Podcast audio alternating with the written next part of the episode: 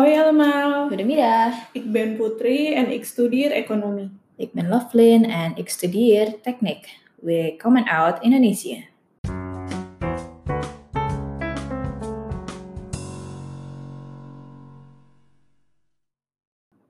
Oke, jadi hari ini kita pengen sharing tentang pengalaman kita selama...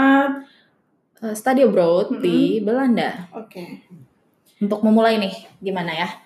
Eh, kita cerita dari awal dulu kali ya. Dari pertama nyampe lah ya. Mm-mm. Kita itu kayaknya merasa saltum sih. Karena eh, kita tuh nyampe sekitar bulan Januari. Akhir sih, akhir Januari, tapi masih musim dingin gitu.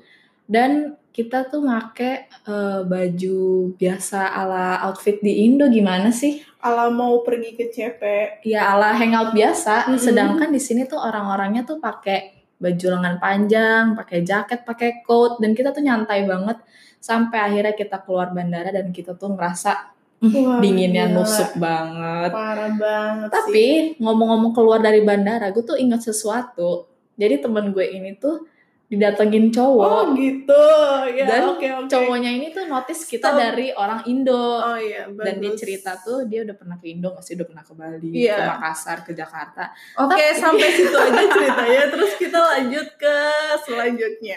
Jadi lu notice gak sih kalau sejauh ini eh, orang-orang di Belanda tuh bener-bener yang ramah dan murah senyum banget. iya memang Eh terlebih kita tuh kayak sering nggak sering sih mungkin tapi disapa gitu kayak Iya, mereka mau mereka selalu menyapa duluan. dan mereka juga sometimes notice kita dari Indo Iya. Beberapa ada yang nebak dan langsung benar. iya Mungkin memang karena kebanyakan orang di sini, orang luar yang tinggal di sini adalah orang Indo. Indonesia.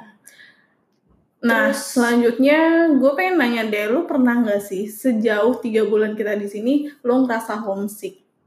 Kalau homesick sih sejujurnya enggak tapi kalau kangen iya beda kan kayak homesick sama kangen kalau lu gimana Gue juga sih, gue nggak merasa homesick karena gue rasa kita di sini happy dengan apa yang kita lakuin. Kita ketemu orang baru, kita kenalan sama orang baru, dan punya aktivitas sama mereka. Mm-mm. Tapi yang bikin kangen itu adalah mungkin kalau gue lebih ke masakan rumah. Iya, karena eh, ju- sejujurnya masakan Indo tuh kan tasty dan mengingat akan eh, sejarah kita dijajah tuh karena kita kan banyak rempah-rempah. Mm-mm. Nah, itu tuh makanan Indo tuh banyak eh, bumbu dan tasty gitu, nggak kayak di sini yang menurut gua lumayan plain dengan roti dan eh, pasta gitu. dan keju. Mm-mm. ya kan. Nah, terus eh, kita lanjut ngomong tentang perkuliahan kita di Belanda kali ya. Eh, yang buat beda nih ya, kayaknya yang pertama deh. Hmm, apa sih yang bedain kuliah di Binus dan kuliah di Han? Menurut gue yang pertama banget gue notice itu kalau kita nyampe kampus kan kita perhatiin gedung, perhatiin fasilitas dan lain-lain ya kan. Mm-mm. Yang pertama gue notice itu ruang kelasnya yang di sini tuh sejujurnya lebih kecil dan pasti kapasitasnya lebih dikit. Tapi gue rasa itu eh, bagus sih karena kita jadi lebih get in touch sama Mhm. dosennya dan kita lagi jadi lebih diperhatiin gitu loh. Iya, fine aja sih ya. Maksimal di sini tuh kayaknya 30 gitu. Nggak nyampe sih, nggak nyampe 30. Ya, 20 sampai 30 lah ya. yang bikin deg-degan tuh ya kalau misalkan di kelas dosen Hmm. tuh hafal nama kita yang se- Hmm, yang mana kalau misalkan banget. kita di binus gak semua dosen tahu nama kita mungkin kalau di binus taunya komtinya doang atau kalau lo pintar Iya. atau kalau lo bolos dulu lo bakal Iya. dihafal. kalau di sini tuh karena dengan kapasitas yang kecil dosennya tuh tahu kita gitu loh bahkan Putri pun pernah cerita dia saat masuk kelas tuh dosennya tahu dia pasti namanya Ayu dari Indonesia Dan itu baru pertemuan pertama. Dan- Wah, gila sih. Dan dosen itu yang ini gak sih yang bilang kalau dia pernah dosen exchange di Binus? oh iya, dia Ya kan? pernah ngajar di JWC. iya.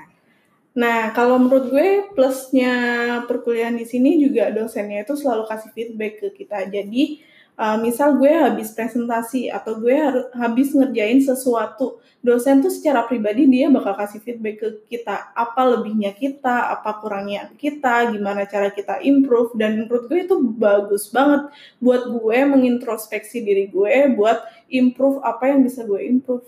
Dan ngasih tahu feedbacknya itu nggak yang in general gitu loh, kayak bener-bener personally Detail, kan ke orang. Even kalau misalkan kerja kelompok pun Mm-mm. dikasihnya eh, feedbacknya per kelompok itu gak gak Secara nggak- general. nggak secara general Hmm, nah ngomong-ngomong soal tugas nih, setuju gak sih lo kalau gue bilang tugas di sini tuh lebih banyak dan bahkan sering banget tugas kelompok dibanding tugas individu? setuju banget karena gini kita kan eh, posisinya anak exchange yang Mm-mm. eh, melibatkan banyak eh, mahasiswa dari negara lain kan. Mm-mm. pasti banget kita tuh bakal dikasih tugas kelompok yang nggak mungkin kita misalkan sesama Indo tuh dibarengin semua sama dari Itali dibarengin semua dan pasti itu bakal digabung semua. Dan menurut gue dengan digabungnya kita itu kita jadi lebih bisa tahu perspektif mereka dari latar belakangnya mereka di negara mereka tuh gimana terus kita jadi lebih open minded dan terutama sih bahasa Inggris kita bakal lebih improve karena bahasa penghubung kita sama mereka kan pas, pasti banget bahasa Inggris gak sih? Iya. Nah, gue kalau soal ini punya nih pengalaman. Waktu gue eh, masuk kelas namanya Business Performance Management. Jadi, di kelas ini tuh gue dikasih tugas, dikasih ya semacam project lah yang dikerjain sama empat orang. Gue salah satunya. Nah, partner-partner gue ini adalah temen gue dari India, Kanada, sama dari Itali. Otomatis secara background kita kan emang beda. Tapi karena beda itu jatuhnya jadi seru karena ngobrolnya itu jadi banyak banget yang diobrolin dan kita jadi tahu tentang perspektif negara-negara lain juga. Iya seru sih jujur ya kalau kerja kelompok sama eh, teman yang bukan dari negara kita. Mm-mm, jadi nambah pengalaman juga Iya. sih? Lanjut ke kita ngomongin apa ya yang seru social life kali ya Hmm, teman-teman pasti banyak yang mikir aduh gimana sih cara bikin teman kalau misalkan sama orang-orang internasional. Iya, iya benar. eh pertama banget sih itu yang menghubungkan kita tuh dengan international dinner. Nah iya gue inget banget tuh. Seru banget gak sih waktu international dinner karena kita masak masakan dari negara kita masing-masing, terus kita jadiin satu dan kita makan bareng-bareng temen internasional lainnya. Dan yang kita masak yang nggak lain dari stereotipnya Indo adalah Indomie. Anak kosan Iya, banget, Indomie rendang sama katsu, terus ditambah nasi goreng. sama risol. Dan kita Hmm. tuh kayak have fun aja gitu makan bareng-bareng. Kita tuh kayak makan buffet gitu loh. Tapi Iya. menunya kayak banyak. Banyak gitu. banget. Kayak Jadi makan kita di hotel. kita ya kita nggak perlu ke resto mahal untuk nyobain makanan Makanan negara-negara luar, iya. lain karena udah ada di situ.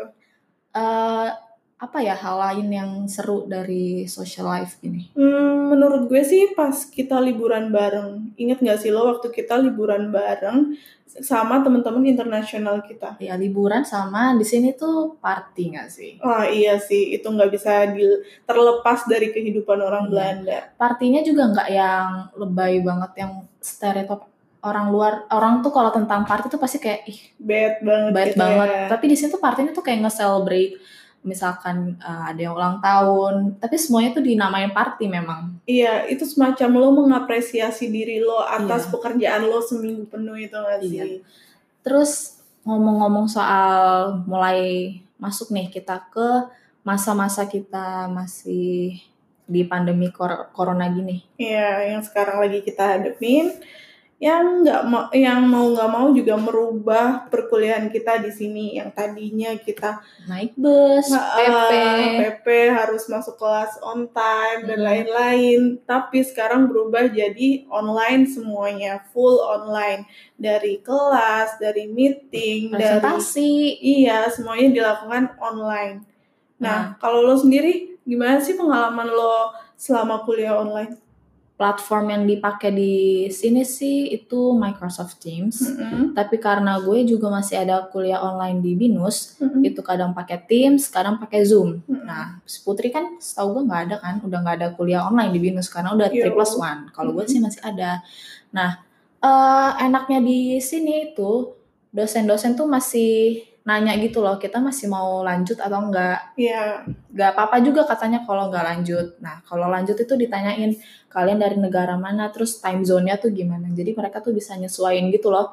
Kalau misalkan ada kelas atau meeting, Mm-mm. eh, cari jam di tengah gitu yang nggak mengganggu kedua belah pihak. Gitu. Iya, itu sih bagusnya. Jadi perkuliahan kita tetap bisa berjalan sebagaimana mestinya meskipun kita ngelakuinnya secara online. Dan eh, pengisi kita karena kita kuliah cuma tiga hari maksimal Hmm. atau empat hari, kita kadang suka ngisi dengan eh, belajar masak atau jalan-jalan Atau juga kadang kita ikut uh, kelas online di platform lain. karena kita mau ngejar apa sertifikat gitu kan Iya, karena lumayan kan mengisi waktu luangnya belajar di platform lain gitu. nambah skill baru lah ya.